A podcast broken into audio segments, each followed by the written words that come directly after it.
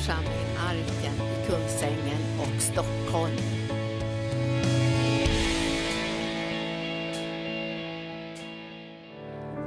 Ja, vi välkomnar dig helige Ande att tala till oss. Vi behöver att du gör ordet levande för oss. Det är alltid så. Vi förväntar oss, Herre, och tror att du kommer att verka så att de ord som vi har läst och de som vi har hört och de som vi känner väl så här, ändå blir nya med härlig uppenbarelse och väcker en levande tro. Vi tackar dig, Herre, för att du ska vara verka bland oss att du ska tala till oss var och en på det sättet som vi behöver så att vi hör från himlen och, och sedan kan göra i tro det som du har kallat oss till. I Jesu namn och församlingen sa Halleluja. Tack lovsångare. Ja, eh, ibland så tror man ju liksom att eh, eh livet innehåller, vad ska vi säga, tillfälligheter. Det är, för en kristen är det ont om tillfälligheter. Det är liksom så att det är Gud som har olika typer av planer och eh, verkar på olika sätt i, i livet. Och vi hamnar i olika utmanande situationer, vi hamnar i olika liksom välsignande, härliga situationer.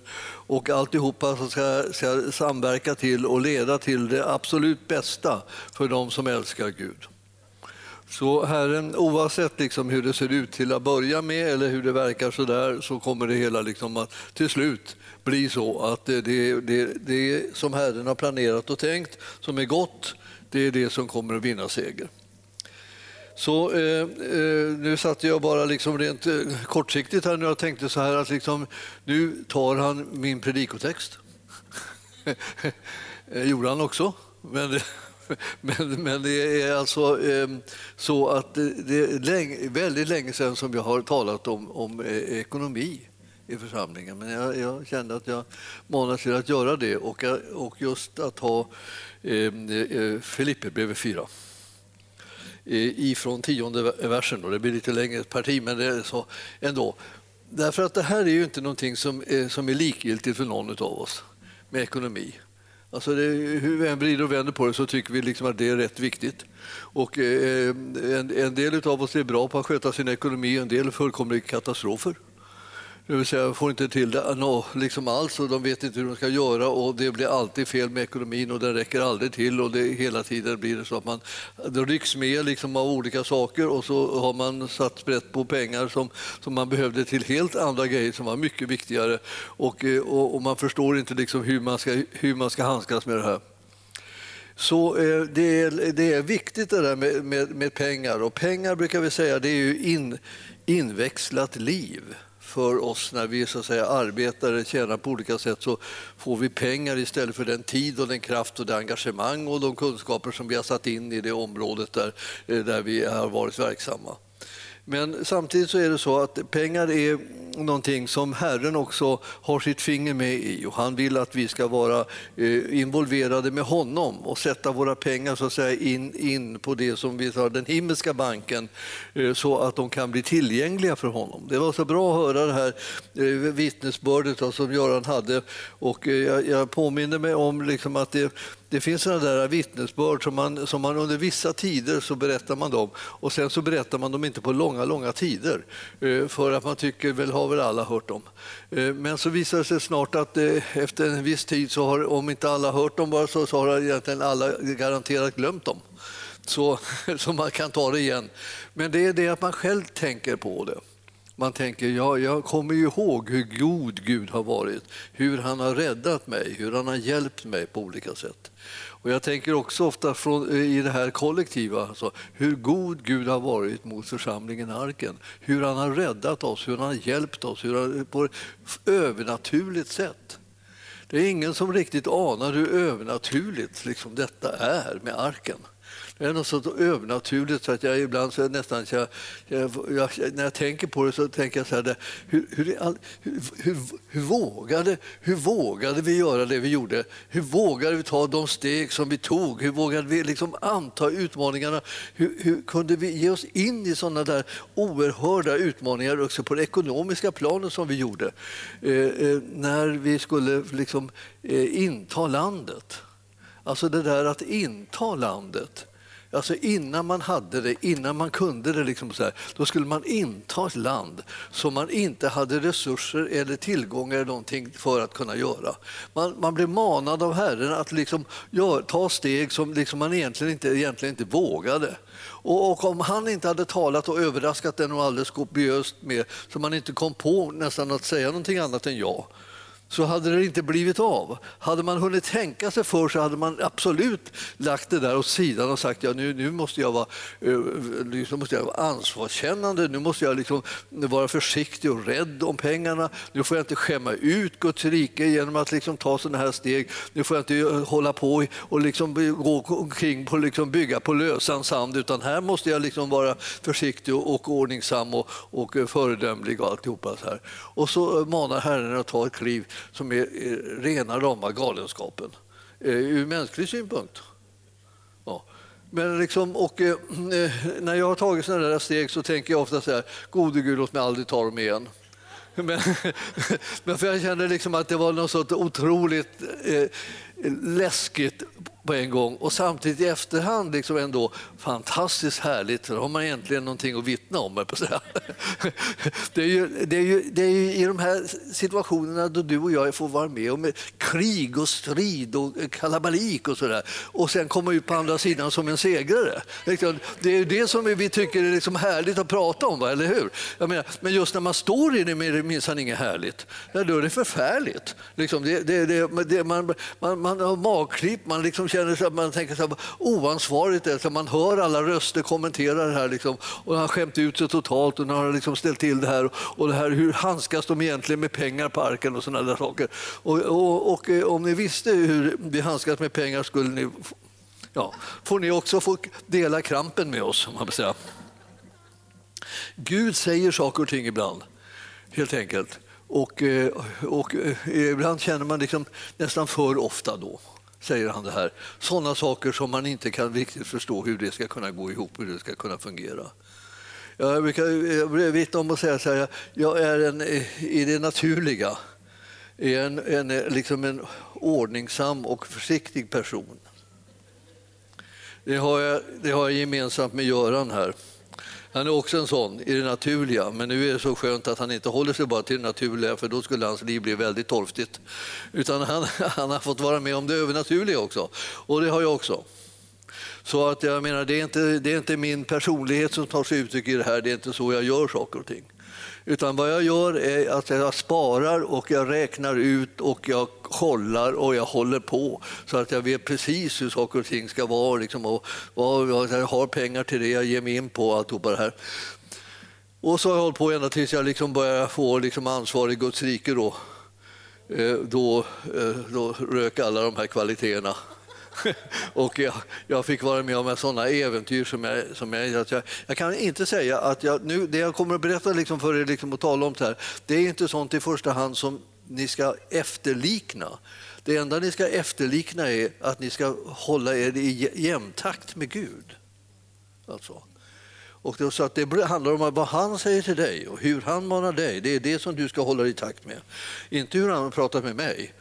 Men för, jag kan ju vara ett sådant trösterikt exempel eller ett avskräckande exempel eller vad, vad helst vad det blir för slags exempel nu. Det vet jag inte riktigt. Det, det beror väl på var du står där. Om du står och trilskas liksom och inte vill vara i takt med Gud så kommer jag vara ett, ett störande exempel för dig. För att jag, jag har märkt det att om jag ska åstadkomma någonting i Guds rike så måste jag bestämma mig för saker och ting. Och bland annat så måste jag bestämma mig för vem det är som ska ha makten i mitt liv, om det är Gud eller mammon. Så det är, och, och mammon är liksom på där, pengarnas makt kan vi säga. Är det de som ska bestämma vad jag kan göra eller inte göra? Alltså, de flesta hade inte kommit till fläcken någonstans. Och många av er hade aldrig kommit hit om det hade varit så att det hade varit pengarna som hade styrt. För då hade ni suttit där och räknat att det här går ju inte, det här går ju inte, det här går ju inte. Och, så. och eh, till slut så måste ni veta, är det då Gud som vill att ni ändå ska ta er hit och, liksom, och ändå flytta på er och, och ge er i kast med alla de utmaningar som det innebär? Är det då han, ja men då, eh, då är det här någonting som har bärkraft och är ni inte han, eh, då, då är ni illa ute. Och det, och det, här är ju en del som nästan håller på så här i åratal och eh, krånglar med det här och inte kan bestämma sig om det var han eller inte han. eller så. Och eh, då, då, då, rycker och drar och stretar i dem hela tiden. Ska jag iväg? Ska jag stanna kvar? Ska jag vara dit? Ska jag hit? Och så här håller de på. Och så kan ju hela livet se ut ibland. Man vet aldrig när man har hamnat på rätt plats därför att man kan aldrig bestämma sig för vilken röst man egentligen hör. Och om vi inte lär känna Guds röst så är vi liksom väldigt, då är det darrigt. Alltså. Hela tillvaron är darrig. Och, eh, och sen ska jag, för att försvåra det hela i det här då, då, så är det så att eh, även när du hör Guds röst så blir det darrigt. Men inte på grund av att det, att det är liksom att, du, att du hör fel, utan därför att han säger sådana saker som han säger. Han säger sånt som utmanar dig så till en milda grad så liksom du, du bara vibrerar i ditt inre liksom med tanken på att du ska ta det här steget nu. Då. Och, och, och, ibland så tänker vi så här, nej nu får det vara nog. Och jag, jag, haft, ibland så har jag tänkt, nu när jag, när jag blir 65, har jag tänkt det då, på den tiden då. jag blir 65, då ska det vara slut med sådana här liksom, äventyr. Liksom, då, har, då har jag gjort liksom, mina äventyr. Nu ska, då ska jag liksom, på något sätt ta det lite lugnare liksom, och ägna mig bara liksom, lite sådär som jag känner mig trygg och, eh, liksom, och, i och där jag kan hålla balansen och där jag vet hur saker och ting kommer att gå. Så, ja. Och så blir man 65 och sen, och sen blir man 66 och 67 och så rullar det på så här. Och, så, och, det, och det tar ju aldrig slut. Liksom, det, här. Eh, det går inte över som man hade tänkt. Man hade tänkt att nu skulle det gå över och lugna ner sig. Nu får andra stå och darra. Nu, det, nu har jag darrat färdigt. För det, alla ska eh, räkna. Nu får de darra istället. Nej, det, man måste stå där och hålla på än. Och jag håller på fortfarande med det. Jag har haft olika försök att att eh, få slut på det här nu. Då. Nu ska vi ta och läsa här i alla fall från Filipperbrevet. Posten Paulus han var beroende av att människor hörde från Gud. Och, eh, och här hör vi att han tyckte att det gjorde de inte i första taget. Alltså det är ju liksom det som är ibland en ledares liksom dilemma. Att eh, de man leder kanske inte i första taget hör från Gud. Fastän man skulle önska att de omedelbart hörde från Gud så att, så att de gensvarar till alla hans signaler om att vara givare och vara, bära fram sitt tionde och, och, liksom, och, och eh, koppla med alla, alla Herrens olika planer och, och, och, modeller. Så, här, så tänkte man det skulle de göra. Då. När de kommer att höra det här så kopplar de allihopa ihop och gör det. Men, men eh, som ledare så märker man det, det, det, det, det går ibland väldigt långsamt. Och, eh, och så, ibland så det vet man ju att det inte är lätt heller, för man själv liksom är av samma ull. Det står det här från tionde versen i fjärde kapitlet i Filipperbrevet. Eh, det har glatt mig mycket i Herren att ni till slut har låtit er omtanke om mig blomma upp. Jag tycker det här är liksom gripande liksom ändå. Va? Det här är Paulus som säger det. Eh, om jag hade sagt det så hade jag liksom tänkt att ja, det, det, det kanske man kan förstå ändå. Liksom ändå. Men du vet att Paulus, va? Alltså han, han säger det så här, att han tycker att det, det hade glatt honom väldigt mycket i Herren att ni till slut alltså, Äntligen, heter det heter egentligen. Alltså, äntligen så har ni låtit er omtanke om mig blomma upp. Eh, ibland så tänker jag så här, äntligen så, så har vi låtit vår omtanke om Guds församling blomma upp. Äntligen känner vi omtanke om Guds församling. Medeltid, hur gör man det? Ja, man tar ansvar för den helt enkelt. Man, sa. man tänker det får de sköta. Sådär. Ledarna de får sköta det. Sköt, sköt det bara. Om ni inte sköter det så blir vi sura. ni borde sköta det. Men vet, det finns något som heter vår omtanke om Guds församling som är vi tillsammans som utgör Kristi kropp. Vi måste ha gemensam omtanke om den. Och det här påverkar då vår ekonomi, det påverkar vår tid, det påverkar vårt engagemang och, och, som, och eh, vår, vår, liksom, vår närvaro på olika sätt. Det påverkar liksom hur vi förhåller oss till varandra. och så där. Det finns en massa saker som påverkas av det här att vi har omtanke om Guds församling. Det, det, det blir inte hur som helst. Man kan inte leva längre hur som helst. Man kan inte leva liksom som om de andra inte fanns. Utan man måste leva som om de fanns som om de angår en, som om man har en, liksom en del i deras liv. Alltså. Och vi skapar saker och ting tillsammans när vi tjänar Herren ihop. Och då gör vi saker och ting och vi, vi bygger saker och ting och vi rustar oss och vi, vi, vi antar utmaningar och vi välsignar och vi, vi satsar och lägger ner våra liv och sådär. Vi, vi talar om för varandra var, för att de andra ska veta var de har oss. Så talar vi om hur vi ser på saker och ting, hur vi, vi tänker att vi ska göra det här, hur det här ska gå. Du kan räkna med det. Vi kan tala om att du kan räkna med mig. Jag hörde liksom i väldigt, väldigt fint så där var, var det med, med ehm, eh, vi hade jordfästning här för, för Eva Kjellin och, och då, då, tyckte jag det var så fint liksom att, att eh, hon, hon, de sa, vittnade om henne alla möjliga, liksom, hur uppmuntrande och positiv hon var. Och sen var det så att eh, eh, hon, de sa om henne också att om, om det var så att man behövde göra någonting så, så, så, eh, så ställde hon upp. Hon ställde upp till milda grad så liksom omgivningen blev häpen.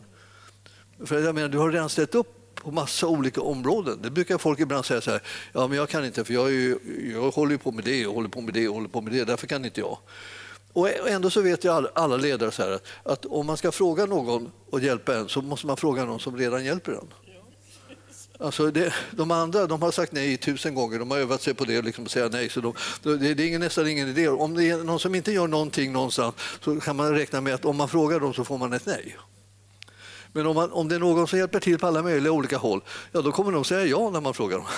Så där, därmed så blir det så här liksom lustigt. Alltså det blir liksom en bakvända världen. Och ibland så händer det att folk som blir tillfrågade mycket så där, och som har sagt ja, många ja så här, eh, eh, blir liksom lite sura över att de alltid tillfrågas fastän de har så mycket att göra.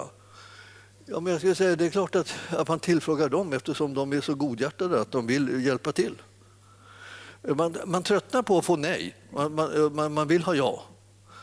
Jag brukar tala om för folk eh, ibland när jag, när jag är liksom på det humöret då, att, eh, att eh, nu har jag de här, de här behoven och jag tänker inte acceptera att du säger nej om jag frågar dig. Då måste man säga ja, självklart. Vi har det här tillsammans, det är inte mitt problem, det är vårt. Så vi har det här behovet och vi tillsammans ska göra det. Och Eh, eh, om svaret på frågan som du får är ja. Så du vet, jag lägger ut det redan för förväg för att jag ska liksom vara försäkra mig om att jag får det svaret som jag vill ha. Jag, kan inte, jag vill inte ha något annat svar. Nej, eh, det är alldeles för jobbigt och trist. Och, och så här. Säg ja.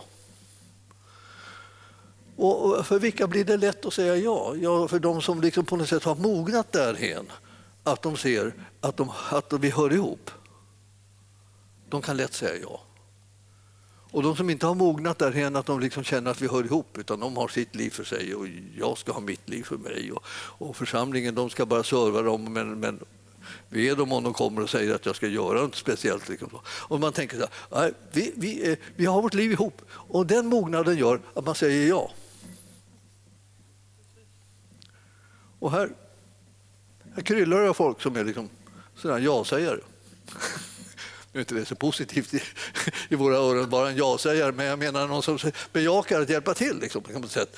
Därför att mognaden har kommit därhen att man liksom ställer sig till förfogande med sina gåvor. Då. Vi har olika gåvor, vi gör olika saker, men, men vi, är, vi är ändå sådana som, som är benägna att säga ja. Och ibland så kan man säga ja, jag letar upp någon som kan göra det här. Jag kan inte det här själv, men jag kan hitta någon. Bra. Det räcker. Så man, man hjälps åt helt enkelt. Och, och då, eh, det här står det så här att Paulus han säger att, att det har kommit därhen med er omtanke eh, liksom om mig, säger han. Eller er omtanke om församlingen. Eh, eh liksom att den har börjat blomma upp. Eh, och eh, eh det, det, har glatt mig jättemycket. Och så säger varje pastor när det där händer i församlingen, så tänker jag, det, är verkligen, det gläder mig att se att er omtanke om församlingen har blommat upp så att ni kan säga ja. Och att ni kan tänka på att vi behöver saker och ting. Och ni kan tänka på att ni kanske skulle kunna hjälpa till med att göra det som behövs. Ja, det, det här är ju inte, det här är inga djupigheter utan det här är ju ganska klart. Och så läser vi nästa vers då. Jag säger inte att jag har saknat något för det hörde det, att, att Göran sa så här, att man, alltså man, kan, man kan vara i det läget att man inte egentligen har så att det räcker, men man saknar ingenting.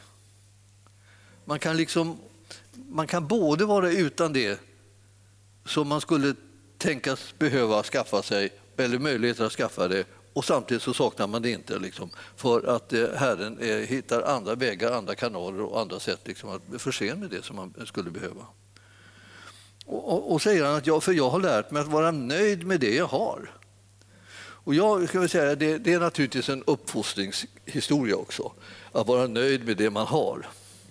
Eh, jag, jag hörde att, eh, att man eh, arbetade med barnen som hade Eh, gjort sånt här oerhört, oerhört eh, kärlekslöst och grymt brott mot en liten pojke i England för många år sedan.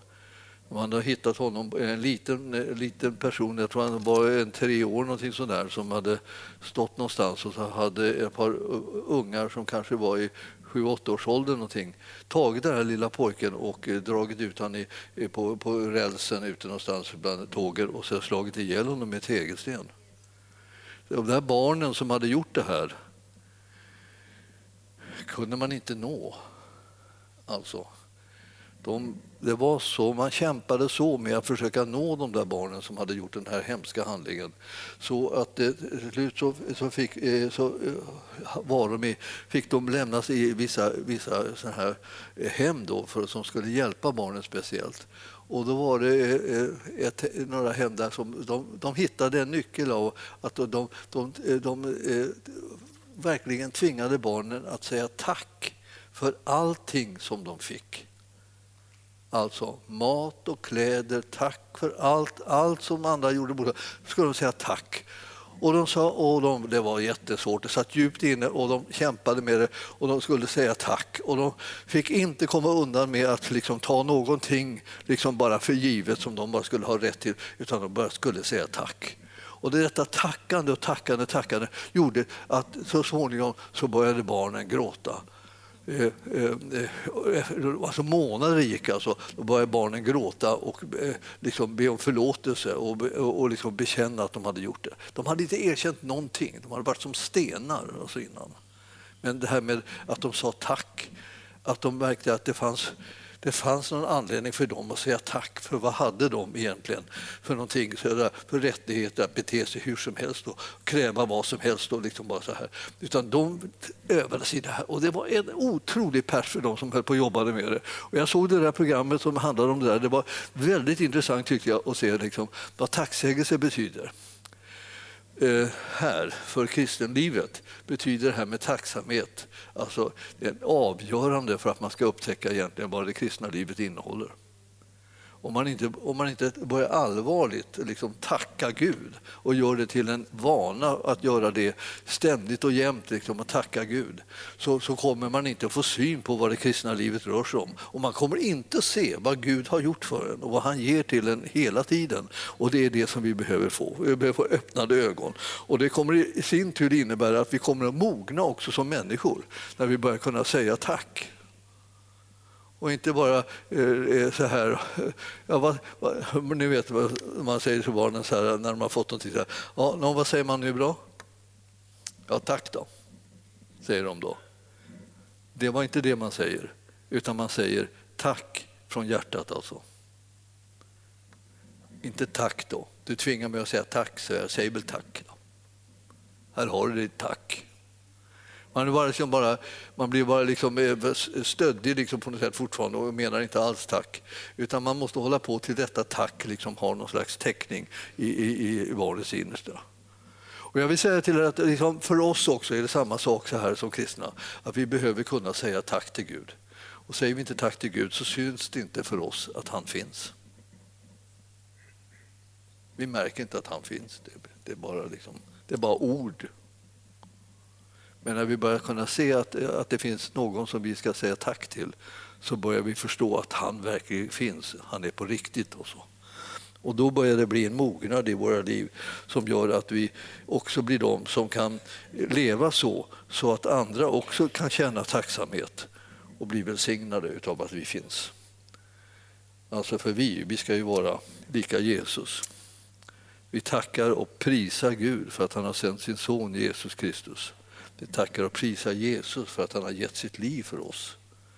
och vi, vi är sådana som välsignar och, eh, och eh, så här, ger till andra och eh, de kan upptäcka att det finns någon som de också ska säga tack till.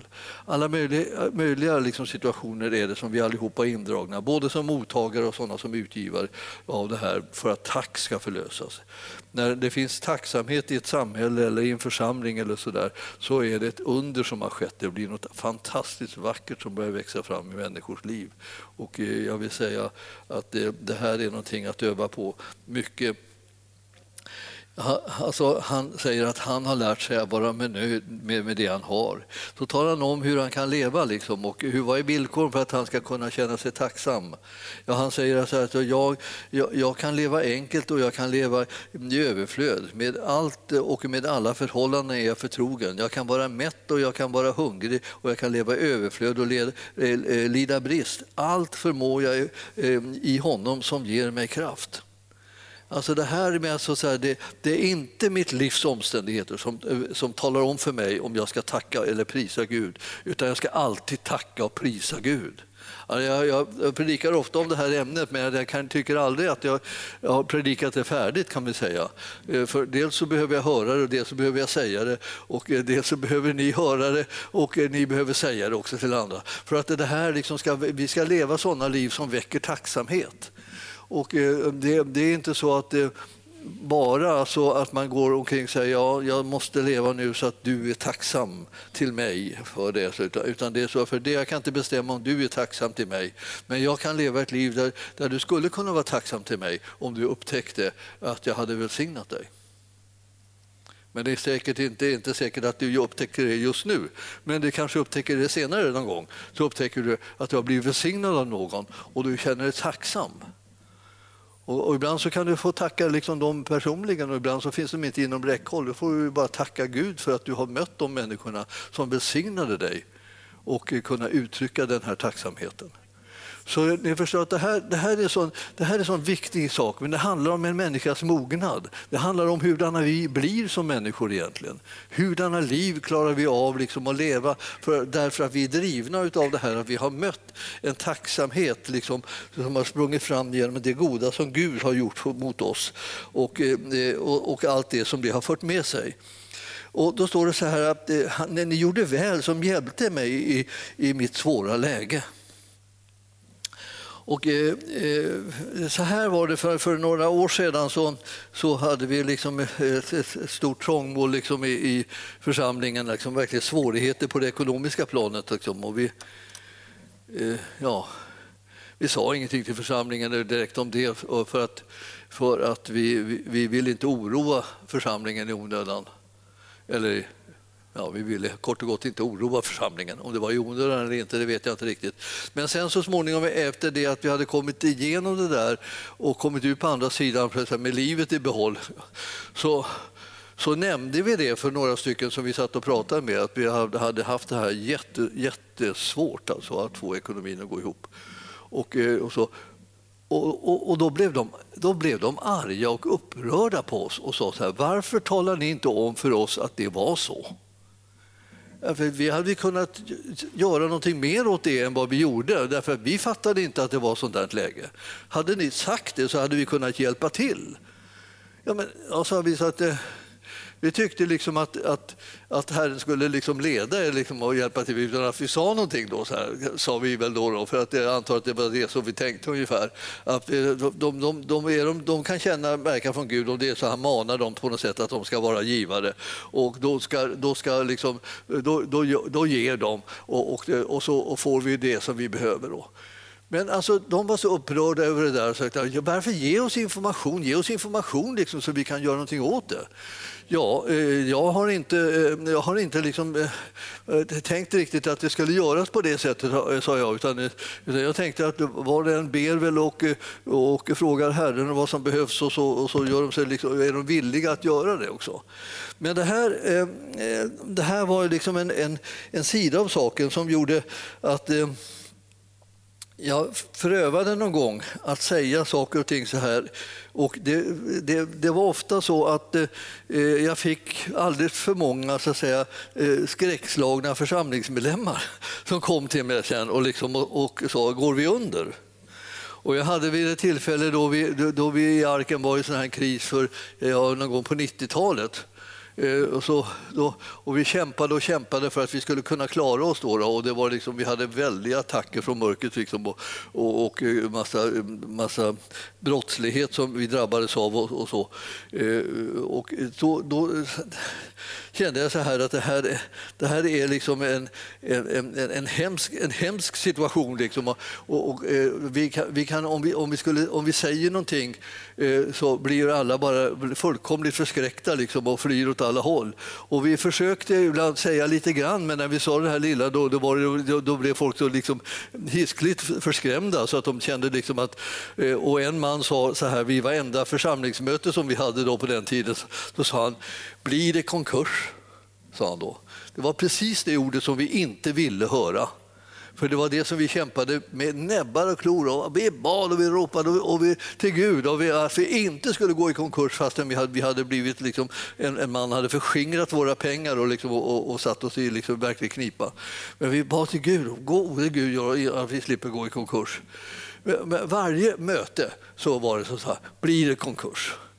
Och vi tänkte så här, gode Gud, låt inte denna man komma på de här församlingsmötena och ställa den här frågan som hela tiden oroar och skrämmer folk. Det är inte det vi behöver. Vi behöver att tro ska väckas ibland bland församlingens medlemmar så att vi kan övervinna situationen. Det är ju det vi vill ha. Så att det, liksom, liksom, eh, det är inte, kommer, kommer du liksom att, att, att liksom gå i konkurs personligen? Liksom, är, är det, om folk kommer och frågar dig så här, ja, du har ju så dålig ekonomi, så, så, tror du att du kommer att klara det eller kommer du liksom hamna i det här att du blir tvungen liksom att, och få så här, det, det är bara minimum liksom att leva på så här, så från samhällets sida så att du kommer inte eh, kunna klara din egen ekonomi utan nu kommer du bara få liksom tillmätt en viss eh, minimisumma som du ska försöka överleva på. Är det så du ska komma att få det liksom nu? Du verkar ha så dålig ekonomi. Man vill inte ha frågan så länge man håller på och sträcker sig i tro och ropar till Gud. Så vill man inte hålla på och diskutera om man ska gå under, utan man vill ju ha tro för att man ska övervinna istället. Alltså. Och när man håller på med det här så, så känner jag säkert att vi, vi fick ju den här, den här mannen, han höll på envis hela tiden och eh, ja, vi, vi kom inte undan det utan en, en del av församlingen, det var inte församlingen men det var en, en stiftelse som vi hade då som eh, hade alla ägodelar, alla, alla eh, eh, eh vad säger, ägodelar, ja, kan vi säga, lokaler och såna här saker. Alla sådana saker låg, låg, låg i stiftelsen. Och eh, då förlorade vi hela den. Och, eh, och, eh, och, och då bad jag till Gud när det där inträffade och vi fick gå in och, liksom och fråga några jurister vad ska vi göra liksom i det här läget. Ja, sa de, det, det, är bara att gå, det är bara att gå i konkurs. Ja, då, usch och eh, tvi och vi, vi, eh, vi berättade för församlingen då, då och, och då var det många som ville eh, tala om att ja, det hade de känt på sig hela tiden. och så där. Men det var inte det som eh, hade hjälpt oss. Det hade hjälpt oss om de hade kunnat göra någonting åt situationen istället för att liksom bara säga att de har gått och känt på sig den. Vi hade också känt på oss det. Men, men jag menar, det var inte det som var räddningen. Räddningen var att vi hade i så fall gått ihop som en enda man och tagit ansvar för det och kunnat rida ut den här stormen. Men den var så stor, det där problemet med, med, med, den, här, den här brottsligheten som vi råkade ut för. Vi kunde inte förklara det för församlingen i detalj heller, för det var, liksom så, det var ändå känsligt och rörde ju med enskilda människor. Och så så att, eh, vi gjorde aldrig det riktigt. Men i gengäld så fick vi stå där som om det var vi som hade åstadkommit det här. Och eh, jag, jag, kände då att eh, jag lärde mig, liksom, jag tänkte så här, ja det är alldeles för många som reagerar så att säga, med skrämsel på saker och ting istället för att de tänker då tar vi tag i det och så rider vi ut den här stormen. Vi, är, vi går ihop som en enda person, vi övervinner det här, vi, vi, vi ställer oss i tro och vi klarar av det. Och så. Det var det som vi hade behövt med, med, eh, känna av bara. Även om vi inte hade klarat det då, så hade vi behövt känna att så liksom, det var inställningen. Eh, alltid när man kommer i kris så här, så, så här eh, om man säger så här, vi har så jobbigt i äktenskapet, ja, ska du skiljas? Säg inte det ordet, det är inte det ordet som jag vill höra liksom nu när jag håller på och kämpar för min relation eller i mitt äktenskap. Jag vill höra liksom att du ber för mig eller att du står med mig liksom på något sätt. Att, du, att, det, ska bli, att det ska bli en lösning som liksom blir välbehaglig för Gud liksom i, i, nu. Då. Och inte bara det att du talar om att jag, jag, jag är beredd på att du kanske ska skiljas. Och, då, eh, och, eh, och, och, och förresten, då ska jag passa på att berätta om min skilsmässa. Och så sätter de igång och berättar om sin skilsmässa. Och så känner man liksom bara liksom att, att allting bara undergräver den liksom istället för att man känner att det är någon som ställer sig vid ens axel och vid ens sida och liksom säger jag står med dig, vi ber, vi, vi, vi sätter tro till att Gud hittar en, en fantastisk lösning och hjälp. Och vare sig den är det ena eller den andra lösningen så vill vi liksom ändå stå ihop så att säga, för att bedja att, vi ska, att det ska bli en gudomlig väg att gå på. Ja. Och ni förstår, det här är sånt där som, som, som man behöver tänka på. Att man ska inte bara slänga ur sig vad det helst man kommer att tänka på i, så här, i ögonblicket när man får höra någon dålig rapport, utan man ska liksom tänka sig för. Ja, hur ska jag kunna förhålla mig på ett sånt sätt nu då, så att de här känner sig stöttade och hjälpta istället för undergrävda och, bara, och, och, liksom, och så blir uppgivna liksom över det. De har kämpat och tänker att ja, då är det ingen det. Då finns ju ingen som tror att, att det här kommer att klara sig. Liksom. Det finns ingen som tror att vi kommer att komma ur problemen eller eh, situationerna. Det kan gälla ekonomi, det kan gälla relationer, det kan gälla liksom, vad, vad helst det är för någonting, utbildningar eller vad, vad du håller på med, möjligheter för arbete eller sådana där saker. Eh, vad, vad helst det är nu för någonting som hakar upp sig. Man behöver, man behöver någon som bara ställer sig med liksom i det, inte någon som bestämmer för, eh, för en hur det ska gå. Och jag, eh, när vi håller på med det här så tänkte jag att Paulus han blev så otroligt glad nu när han äntligen stötte på en församling som brydde sig om honom så pass mycket så att de tänkte, ska vi ta och göra någonting för honom? Ska vi ta och hjälpa honom på något vis? Ska vi eh, stötta honom ekonomiskt? Liksom? Ska vi skicka honom det lite mer så, sånt som han behöver så att han kan klara sig? Alltså den första som gjorde det var de i Filippi. Den första församling som gjorde det här. Alla andra tänkte bara på sina egna behov. Och så. Och det är så, I församlingen så är det så där att man är spridd på liksom en, liksom en linje så här. Och så, och de som tänker bara på de egna behoven därför att de är så akuta då. Och man har ju sådana tider så det är inget fel i det i för sig. Men sen måste det hända någonting. Va? Att man så att säga, successivt mognar mer och mer och börjar tänka på de gemensamma behoven och börjar tänka på andras behov och börjar se liksom hur andra har det. Och så kunna vara med liksom och stötta och stärka liksom församlingen och församlingens gemenskap och liv. Och det där är liksom en ekonomisk utmaning och det här är en utmaning på tid också. Och det är en utmaning på hur mycket kärlek har jag liksom för att bry mig om människor så att säga, som är runt omkring mig som inte orkar med det, liksom sig själva eller andra eller någonting så här. Eh, har jag någon kärlek över till det eller är det så att jag, jag, jag orkar inte med det, jag orkar, jag orkar bara med mig själv, liksom, tack. Och, liksom. och, och, och jag, jag, vet att alla har sådana där tider då de bara orkar med sig själva på sin höjd och knappt det. Men, men, men man måste komma så småningom ur de tiderna och det finns en utmaning att mogna så att man man får rum med andra människor också. Församlingen finns därför att det finns många som har rum med andra. Församlingen kan inte existera bara av att det finns bara människor som bara har tid med sig själva. För då spricker allt sammans och trillar ihop.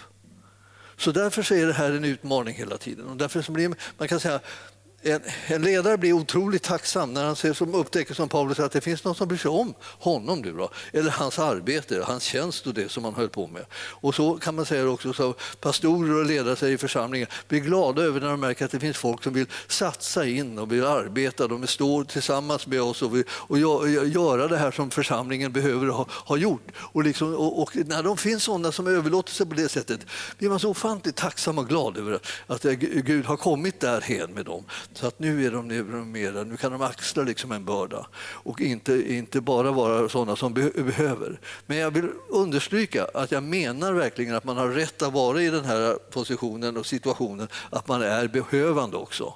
Det inte, handlar inte om att man inte får vara det. Men så småningom så måste det ske någonting som gör att man blir mer och mer en medarbetare i Guds rike. Eh, som orkar med att arbeta lite grann också eh, med det som behövs. Och det, det händer ju med alla förr eller senare, att de, eh, de får chansen att bli medarbetare i Guds rike. Och när de blir det, då, då börjar man bära bördorna tillsammans. Och, och, och, det är någonting som är väldigt härligt och väldigt vackert liksom när det där händer. han säger att Ni gjorde väl som hjälpte mig i mitt svåra läge. Alltså, eh, ni Filipper skriver han i 15, 15 eh, versen här vet också hur det var under evangeliets första tid, när jag lämnade Makedonien. Ni, eh, ni, var den enda församling som satte sig i förbindelse med mig så att räkenskap kunde föras över mottaget, alltså utgivet och mottaget. Alltså det var den enda församlingen som hade gjort det där. Det var den första som hade kommit därhen att de hade kunnat upptäcka att eh, vi kanske skulle hjälpa honom på något sätt. Alltså här, här har vi en person som, som eh, åker ut med evangelium runt hela den kända världen i romarriket. Inga småresor precis. Och med, med tanke på hur man skulle resa då med, med båt eller, eller liksom gå eller, eller eventuellt rida eller någonting sånt där. Det var ju väldigt eh, svåra och, och, långsamma saker som man, eh, som man råkade ut för när man skulle färdas från den ena delen av romarriket till den andra. Och han var ju ända från, liksom den, från den, den öst östra delen längst bort och liksom till den västra, liksom ända borta i, i Spanien eh, eh, eh, befann han sig ju. Så att det var, det var, inga, det var inga småsaker. Och då tänkte jag, vi, vi ser det, vi, vi behöver hjälpa honom. Och eh, när man ser församlingen så att man tänker, ser ni vad församlingen gör? Ser ni hur långt den sträcker sig? Ser ni hur den rör sig över nästan hela, hela världen? Och underhåller och hjälper människor och för ut evangelium nästan över hela världen. Har ni sett det? Eh, om, inte, om ni inte har sett det så finns det en karta där nere som sitter där på väggen som visar liksom vårt missionsarbete i arken, hur det sträcker sig över världen. Alltså det, det är helt ofattbart alltså att, att det, denna lilla församling alltså kan vara så där eh, vid, vittomfattande i sitt stöd och sitt hjälparbete. Och vi, det är massor med barn speciellt som vi har inriktat oss på och mycket flickor som liksom, särskilt i, i, i Asien har liksom eh, mycket ringa värde eh, och, eh, och lider mycket och mycket svårigheter. Och så är det ju faktiskt i stora delar av Afrika också. Så vi, vi, det, är som, eh, det, det, här är, det här är någonting som eh, är, väldigt viktigt. Och när man ser att det, att det finns där, och det betyder det att församlingen engagerar sig i de där sakerna, så församlingen lever inte bara för sig själv, utan den lever liksom för mängder av människor ut över världen, för att de ska kunna överleva och klara sina liv också. Och, och, och eh, om man ser det där, eller man ser det här, allt det här arbetet som handlar om att människor får komma hit och få helande och, och befrielse och upprättelse på olika sätt, och vi betjänar människor människor. Vi, vi, vi finns här olika församlingsmedlemmar som tjänar och tar emot folk som kommer för att de ska få förbön och få samtal och få, och få hjälp och stöd. och så där. Och eh, Alla de här delarna som eh, ligger liksom som en självklar del i vårt arbete som inte är introvert alltså, utan som är utåtriktat liksom egentligen till andra. Och, och eh, så, eh, vi, vi borde, eh, någon säger så här, vi borde evangelisera mer. Ja, eh, det, borde vi kanske göra. Men vet du hur mycket vi evangeliserar? Vet du hur mycket vi sträcker oss ut med evangelium? Vet ni hur många människor som vi når med evangelium ut över världen? Nej, det vet de flesta ingenting om. Utan de tror bara att det, liksom, det handlar om, om vi har en, hur många team som vi har ute som går här på gatorna precis här liksom runt omkring eller så där lite grann någon gång här och där i Sverige. Men vi, vi är ute över hela världen. Eh, ni förstår, Ibland ser man inte vad det är som pågår och man förstår inte liksom, det, det, här, det är det här som vi liksom är samlade för att göra. Vi är samlade för att genomföra och fullborda det som är, är, är vår kallelse och vision från Hesekiel 34 4 där. Alltså där det handlar om helande, befrielse och upprättelsetjänsten. Det är liksom den ena delen och den andra delen är ju som e-, evangelisation så att säga ut över hela världen. Och vi, eh, där, där är det så, att eh, man, man, behöver göra liksom en slags upptäckt, annars så tror man bara att det enda som syns är liksom precis det man själv håller på att göra. Alltså det enda man håller på med. Men det är massor med saker som vi håller på med. Eh, och vi, tillsammans så kan vi bli väldigt starka och tillsammans med Herren när vi gör hans vilja så blir vi smorda för att göra de här sakerna som är vittomfattande. Och eh, eh det, behöver, det behövs alla att vara med och bidra till den saken för att det ska kunna göras. Och när vi upptäcker det, var och en, liksom, eller fler och fler som upptäcker det, det behövs, ju, det behövs ju mycket här. Det finns många människor, det behövs mycket pengar, det finns mycket, behövs mycket tid som ställs till förfogande. Det finns, behövs alla möjliga olika ting alltså här för att vi, vi behöver ha mycket goodwill det vill säga, det vill säga vi behöver ha gott rykte. Det vill säga de som ska sprida det goda ryktet det är vi som vet då vad vi, vad, vilka vi är och vad vi gör för någonting. Vi ska sprida det goda ryktet. Gör vi det får vi loss mycket fler människor. Mer, fler människor vill vara med, fler människor vill satsa in och, det, och arbetet kan utföras med mycket större omfattning än tidigare. Ni, för, ni måste förstå så här, vad det, är, som, vad det betyder att man samarbetar i en Guds församling. Det har ofantlig betydelse. Och, eh, jag, menar, vi, sa, jag kommer ihåg när vi startade med liksom ett, ett barnhem i Mexiko. Då, och jag tror att det var eh, 10 eller 12 barn. Så där. Och vi byggde där, vi byggde där, det var första missionsprojektet. Liksom, och vi byggde där, vi tyckte det var så fantastiskt i Mexiko. Varken Linda eller jag hade varit där. Så vi, vi fick sådana kort från det. Liksom. och, så. och det var innan, vi hade inte råd att åka dit va? Men förstås, eh, utan, utan eh, vi, vi satt ju här bara och eh, kunde, kunde liksom skriva då liksom till den som, som, hade, som skötte själva arbetet där och fråga liksom hur läget var på, liksom på det här hemmet som vi hade byggt. Då, då. Det, här, det här var liksom begynnelsen till hela arbetet som sen sträcker sig över, över jorden. Alltså. Och jag känner det att att jag, eh, jag känner utan att vi är, är samlade och så här som vi är i Guds församling så går inte sånt här att göra. Alltså man kan ha, ibland så kan man göra en eller ett par saker om man är ett ministry, så att säga. Man är bara en, liksom, eh, en grupp som, som satsar på ett land eller någonstans, någonting, så här, någon speciell grej. Så där, och det är vad, det är vad man åstadkommer. Men en Guds församling kan nå ut med evangelium över hela världen. Och man behöver inte vara särskilt många, men man behöver absolut vara eniga. Man behöver vara överlåtna med sina hjärtan och sammankopplade för att Guds verk ska kunna ske ut över världen. Alltså det är förutsättningen. Så det här är så där viktigt och därför är varenda kotte viktig. Så att säga. Ja, kotten, eh, för, ursäkta om jag kallar det för kottar, jag menar inget illa med det. Jag bara menar varenda person menar jag. Det är, liksom, därför att jag har vuxit upp här i, i Stockholmstrakten som blir, jag pratar i termer kottar. ja, men ni förstår, varenda en är viktig. Va? Varenda en kan bidra, varenda en kan göra saker och ting. Och när det kommer in på det här som, som Göran startade med, det här med givande, så är det ju så att, att vi har ju, vi har ju sån här eh, förutsättningen för att vi ska kunna nå långt ut ligger i att vi är starka på hemmaplan. Och starka, med det menar jag eniga. Alltså, på eniga på hemmaplan gör att vi kan nå långt ut. Är vi inte eniga på hemmaplan, vi når knappt någonstans. Alltså, då har vi bara fullt upp liksom och krånglar med varandra. Men om vi är liksom på ett ackord här och eh, liksom tillsammans. Och förstår att satsa allt efter vars, vars och ens förmåga liksom in i det som vi håller på med ihop. Och prioritera det. Så kommer vi att kunna utföra saker och ting ut över hela jorden, precis som vi gör i väldig utsträckning. Men skulle kunna göra ännu mycket mera om vi bara vore liksom mera fokuserade på att vi, det här är det som vi hör ihop, här hör vi ihop och det här som vi, våra krafter går, eh, eh, liksom satsas in och det här som vi satsar in med vår ekonomi och alltihopa det här.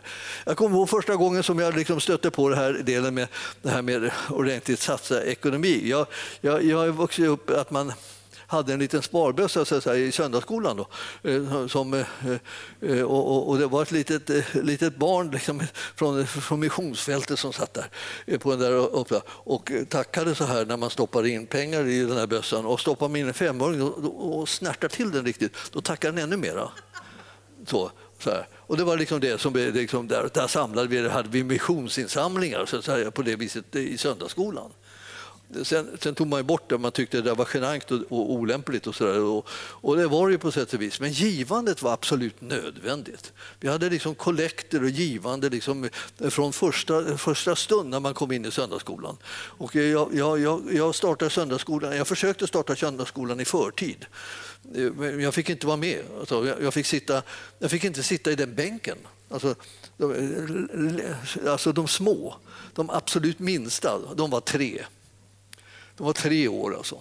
Och, de, och jag var inte fullt tre år ännu så att jag fick sitta i en bänk vid sidan om och tjuvlyssna. Så jag satt inte i den bänken. Så när jag blev tre så fick jag bli upphöjd kom jag i den första klassen. Och sen, sen gick jag då i söndagsskolan och lärde mig liksom att ge varenda möte, varenda möte, varenda möte liksom så, så gav man. Och, eh, och det var absolut själv, självklart att man gav, men eh, själva summan hade en tendens att aldrig förändras. Alltså vi, vi, från det att man hade fem öre förändrades den upp till en krona. Men sen stannade den liksom där. Så man gav en krona i kollekten. Eh, nu, nu, nu var det lite mer värt än det nu. Men, men, men det är fortfarande så liksom bara en skämmig summa kan man säga. Det, det, det, det, så, där, så där lite får man bara inte ge, då har man inte försökt ens. Alltså, och, och, då är det nästan oavsett vilken ekonomi man har, för man gör en prioritering där man själv kommer lite i kläm. Det gör man alltid när man tänker på sitt givande. Man ger mer än man, man egentligen... Liksom, man kunde använda, kunna använda pengarna till andra saker, självklart, det kan man ändra igen. Men man prioriterar att ge och därför så ger man så att säga, mer än man egentligen skulle ibland ha lust till egentligen om man tänker bara på sig själv. Men nu har man slutat att tänka bara på sig själv, utan nu tänker man på Guds rike och Guds församling. Och man vill att det som Guds församling har som uppdrag ska kunna ske och genomföras i den här världen. Och det är liksom det som är vår huvudsakliga, viktigaste uppgift, ska jag tala om för er, i den här världen. Det är därför som vi är här. Vi är inte här för att, liksom, att liksom, eh, sköta om oss själva som man hör på de här reklamen. Här. Du, det finns en person som är närmast dig, det är du själv. Tänk på dig själv och ta vara på dig själv och var rädd om dig själv. Och så här. Det där är inte kristendom. Kristendom är att tänk på andra och tjäna Herren och lägg ner ditt liv för honom och ära honom. Det är det som är kristendom.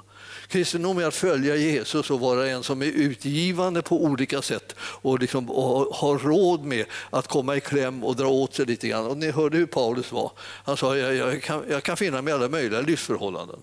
Jag kan, bara, jag kan vara fattig, jag kan vara rik, jag kan, liksom, jag kan ha liksom, överflöd och, och, och, jag kan ha brist. Jag, jag, hur som helst, jag, jag lever ändå och jag känner Herren och jag har allting och jag är nöjd ändå med mitt liv. Alltså, det är så det är.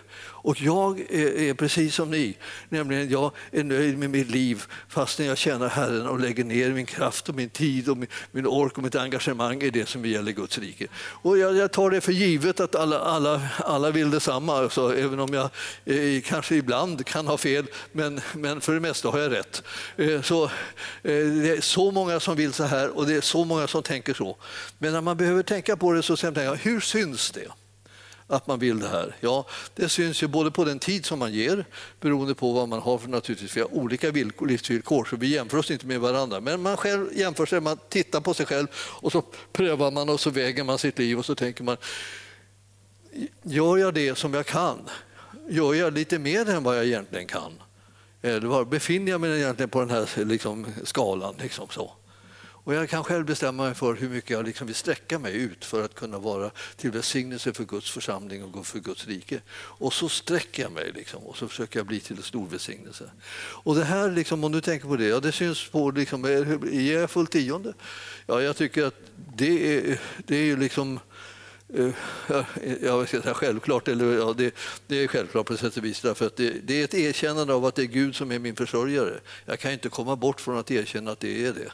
Det är han som är min försörjare. Det är därför som jag bär fram i tionde. Jag bär inte fram i tionde liksom för, att, för, för någon annan orsak skull, inte för att jag måste eller någonting sånt där, utan jag, jag erkänner honom som min försörjare. Han är den som försörjer mig. Oavsett var jag får mina pengar ifrån, oavsett vilka kanaler som eh, används, så är det frågan om att det är, från, det är Gud som är min försörjare. Och därför bär jag fram mitt tionde av det som jag får in, eh, självklart. Då. Och det går till Guds församling och ingen annanstans. Den går inte liksom till massa olika projekt hit och dit här, eh, som jag liksom hittar på själv att jag ska ge till. Det får du använda dina egna pengar till. så att säga. Tiondet går till Gud det andra, de 90 procenten, kan du eh, bestämma själv vad du vill ge. Du ger i kollekter till olika ändamål, du kan stödja olika grupper och olika sammanhang. Man kan ge till allt gott verk, står det liksom i Bibeln. Vilket eh, är häpnadsväckande och lite skrämmande. Eh, kan man, tänker man. Jag kan väl inte ge till allt gott verk, det vore ju slut. Ja, men du kan väl åtminstone försöka. Så kan du se om du inte kommer en bit på väg åt det där hållet. Därför att vi är intresserade av alla de Guds verk som egentligen finns och pågår. Det här är för att föra ut Guds rike och, vidga Guds rike i den här världen. Och där är du och jag kallade att vara med och, och göra oss delaktiga. Jag känner att det här, nu, nu pratar jag liksom väldigt allmänt och tiden flyger för mig, säger jag. Eh, det var värst, jag, jag skulle komma in på ämnet. Det var tur att du tog det lite i början här. Men alltså, jag är ju lite grann snuddad vid liksom det här med, med ekonomin. Men alltså, ni förstår att, att, eh, eh jo, jag skulle säga det. Eh, Paulus liksom eh, säger att han, att han, han hade liksom under tidvis eh, svåra förhållanden och, och magra förhållanden och utmaningar och allt. Och vi har det för närvarande här i arken. Vi har liksom stora utmaningar på det ekonomiska planet. Och eftersom ni sitter här och är här en onsdagskväll så vågar jag mig på att säga det.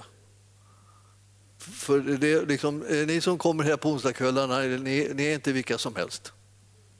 Ni är ovanligt ivriga, brinnande och eh, hungriga efter att lära känna Gud och komma honom närmare. Så jag räknar med att ni står rycken för att kunna ställa er i tro, bedja och eh, ge och vad helst det som kan behövas. Men jag säger det att vi har en ovanligt, eh, ovanligt pressat läge så att säga, som kom efter, efter jul, så här, efter nyår och jul. Så, här, så att vi har liksom inte riktigt kommit upp eh, eh, ur gropen. Så vi brukar få en grop så här liksom i, i samband med eh, årsskiftet. För då kommer det massor liksom olika typer av, av lån och räkningar och allt vad du vill som liksom på något sätt kommer i högar. Men, men eh, vi, har, vi, har, haft svårigheter att komma liksom upp med näsan över vattnet.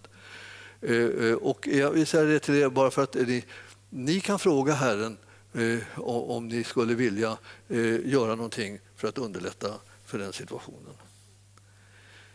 Eh, ni kan också låta bli om ni eh, om det är så. Men jag, jag, jag, nämner det här för er därför att eh, man kan säga att Ibland så behöver man ju nämna det och ibland så behöver man inte nämna det. Och vår vana är att inte nämna det. Men jag kände att jag behövde nämna det, annars är det som på något sätt som man står där eh, liksom skyldig för man ingenting sa.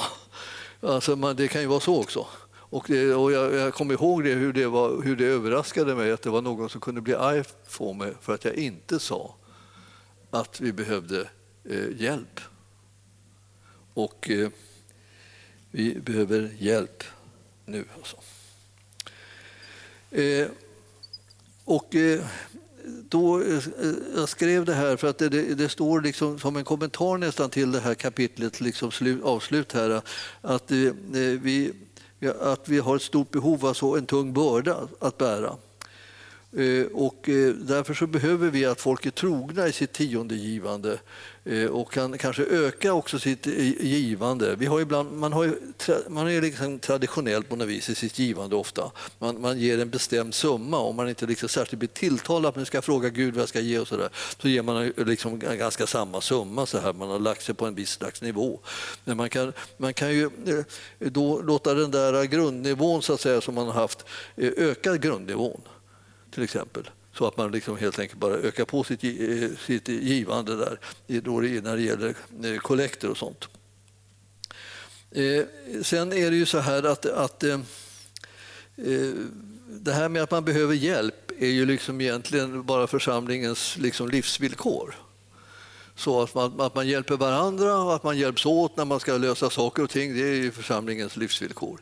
När jag Eh, Eh, när jag råkade, det var det jag skulle komma in på förut. Att när, jag, när jag första gången liksom på allvar liksom kom ut ur det här liksom bara där man gav en krona och man, det var liksom ingenting. Och man gav bara sånt som var likgiltigt för en, sånt, sånt som man kunde undvara eller kasta bort eller vad som helst. Det spelade ingen roll, det gjorde ingen skillnad i ens ekonomi. Det var man bara slängde någonting som man ändå kunde undvara.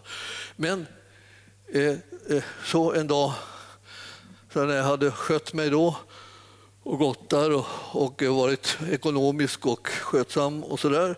och samlat och sparat och haft mig på banken och alltihopa det här så här så, kom, så sa Herren till mig så här, nu ska du ta ut alla pengar som du har på banken och så ska du ge bort dem.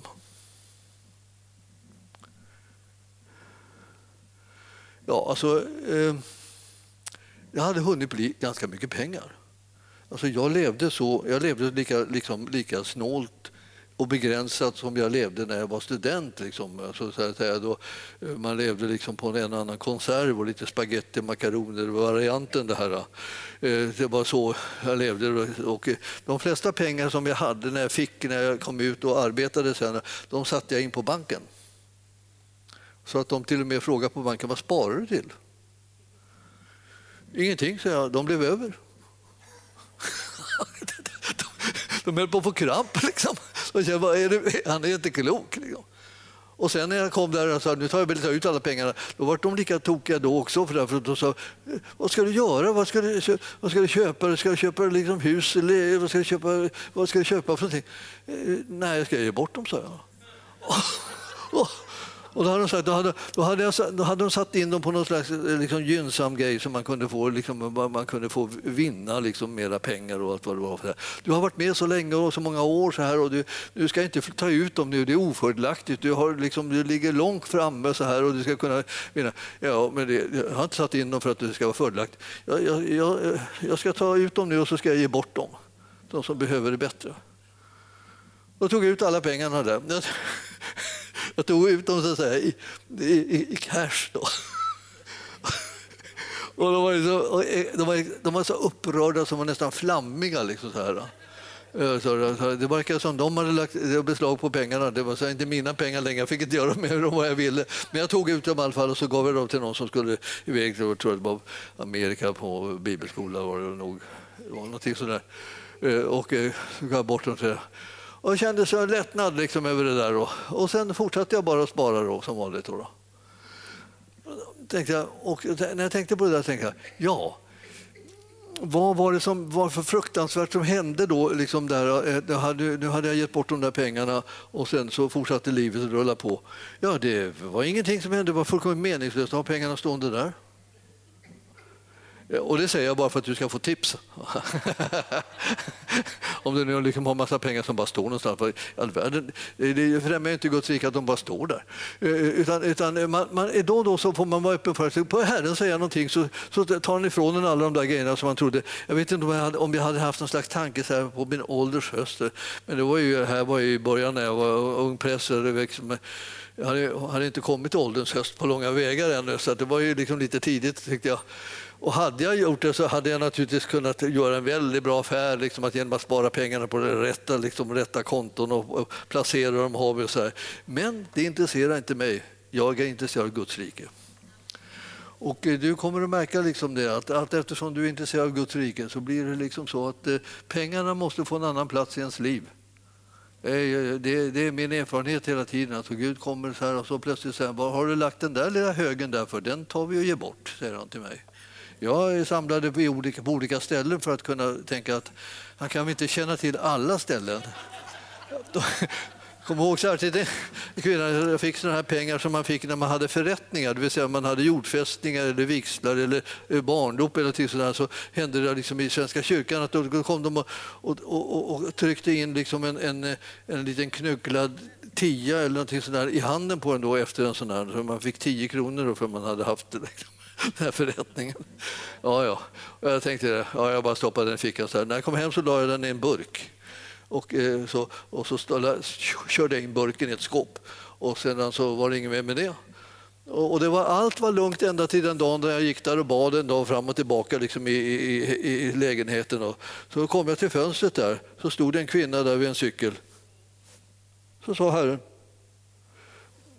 eh, du, du kan ge henne pengarna.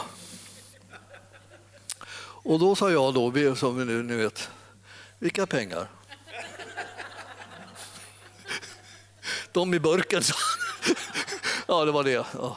Så då, fick jag, då gick jag och hämtade en plastpåse liksom och så här, så hällde jag liksom ner, ner de här pengarna i den där och så knöt jag ihop den som var som en sån här boll, ungefär som en soppåse som man gick ut med. Då sprang jag, gick jag fram till fönstret och tänkte att hon har nog gått tänkte jag. Så här. Nej, då, hon stod kvar där. Det verkar helt meningslöst. Hon bara stod där och glodde. Så då, då, då, då sprang jag ner för trappen och så, så gav vi henne, gav vi henne så här. Det här är en gåva från Herren, sa jag. Han älskar dig. Varsågod. Och så gick jag upp igen och då skrek hon så. Hon hade fått upp påsen, vet ni. Och det hade ju hunnit bli någonting eh, under årens lopp då.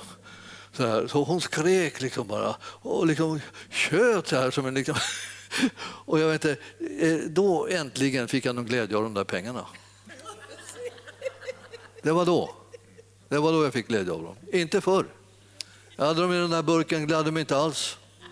Men den dagen som jag, jag gav de här pengarna till den här kvinnan och hon skrek vet du, av glädje över att hon fick dem, då fick jag glädje av pengarna.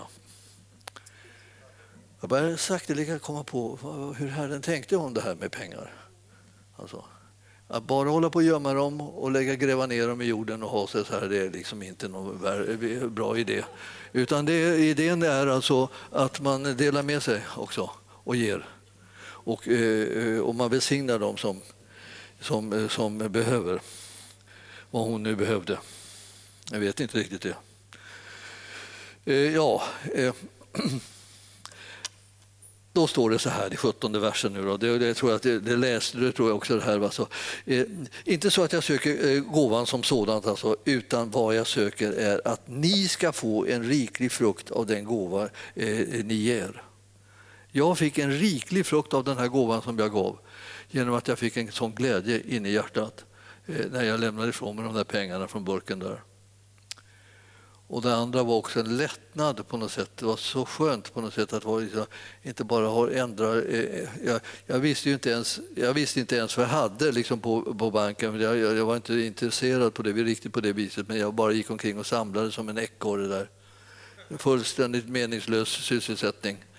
Utan eh, det är det som jag vill främja, det är där jag ska sätta in mina pengar. Och mina pengar är en del av min kraft, mitt arbete, mitt engagemang här i livet. Och, det. och där sätter jag in pengarna, där kommer också min, min, min gärning in där. Som om jag hade gjort det själv och varit och gjort det här, gjort det som var i missionen eller gjort det som behövs i församlingen i detalj. Så, så, så kan jag satsa liksom in där. Det, det var det. Va? Och, och då får man liksom en, en riklig frukt av den här gåvan som man ger. Och, eh, och jag har fått allt, säger han, och det är överflöd. Och jag har fått mer än nog. Och sedan jag och Epafroditus har tagit emot gåvan, en ljuvlig doft, ett rätt offer som Gud tar emot med glädje. Han säger det här att han, de gav en gåva till honom, det var som att Gud tog emot den gåvan med glädje. Så det gladde Gud alltså. Och så, så ska också min Gud här, efter sin rikedom på ett härligt sätt i Kristus Jesus ge er allt vad ni behöver. Och därmed så är saken klar. Alltså. Det vill säga allt vad jag behöver, det kommer jag att kunna få från Herren. Och det är min erfarenhet genom alla åren att oavsett jag har gett bort de där pengarna hit och dit och så, här, så är det så att han har alltid gett mig allt vad jag behöver.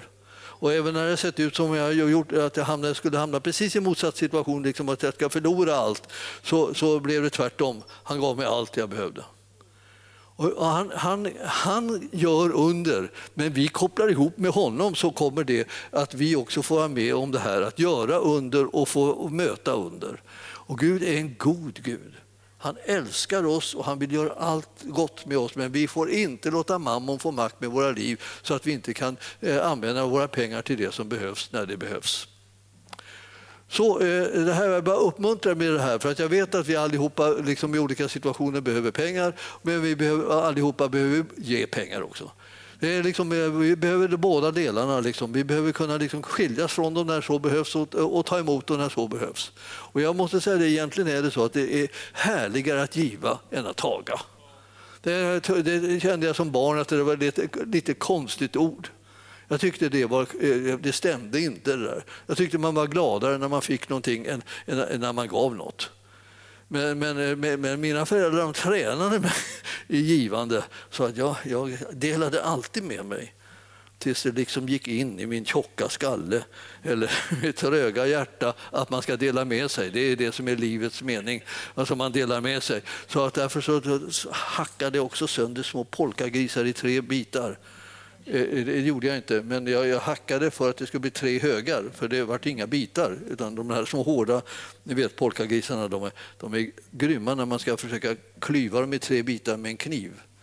Men jag måste dela med mig alltid av allting. Och det, det, här, det här är, ibland så säger ungdomarna så här, liksom så här berätta inte den där jobbiga biten om att du ska dela med dig jämt, den där, även, även en liten polkagris. Det är för jobbigt, ja, vi står inte ut och höra det.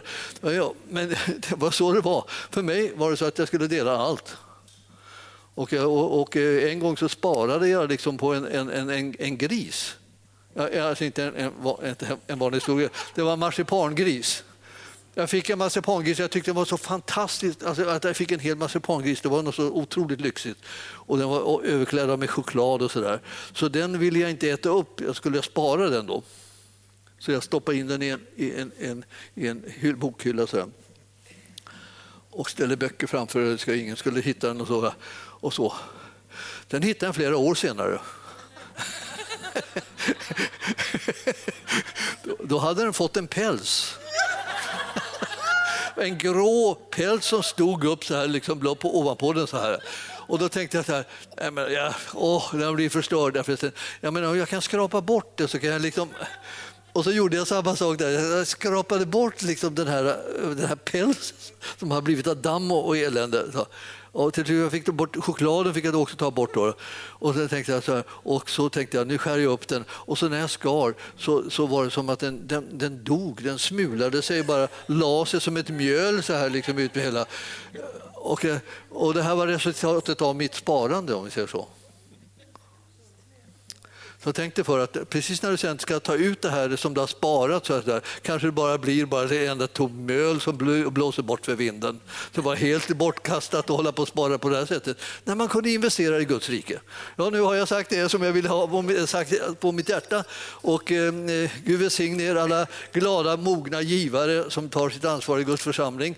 Himmelska Fader, vi ber att eh, din goda vilja ska ske bland oss. Vi ber om välsignelse över vår ekonomi och alla våra ekonomiska åtaganden åtaganden. Vi ber om utvägar och lösningar. Vi ber om att du ska välsigna din församling och, och möta alla behoven som finns där också. Vi tackar dig Herre för att du har eh, givit oss goda hjärtan och generösa hjärtan som vi vill dela med oss i och stötta det som Gud du håller på med i den här församlingen och genom den här församlingen. Och vi ber Herre, låt det, det, ditt namn bli ärat genom våra liv tillsammans. I Jesu namn. Och församlingen sa Halleluja. Tack Jesus.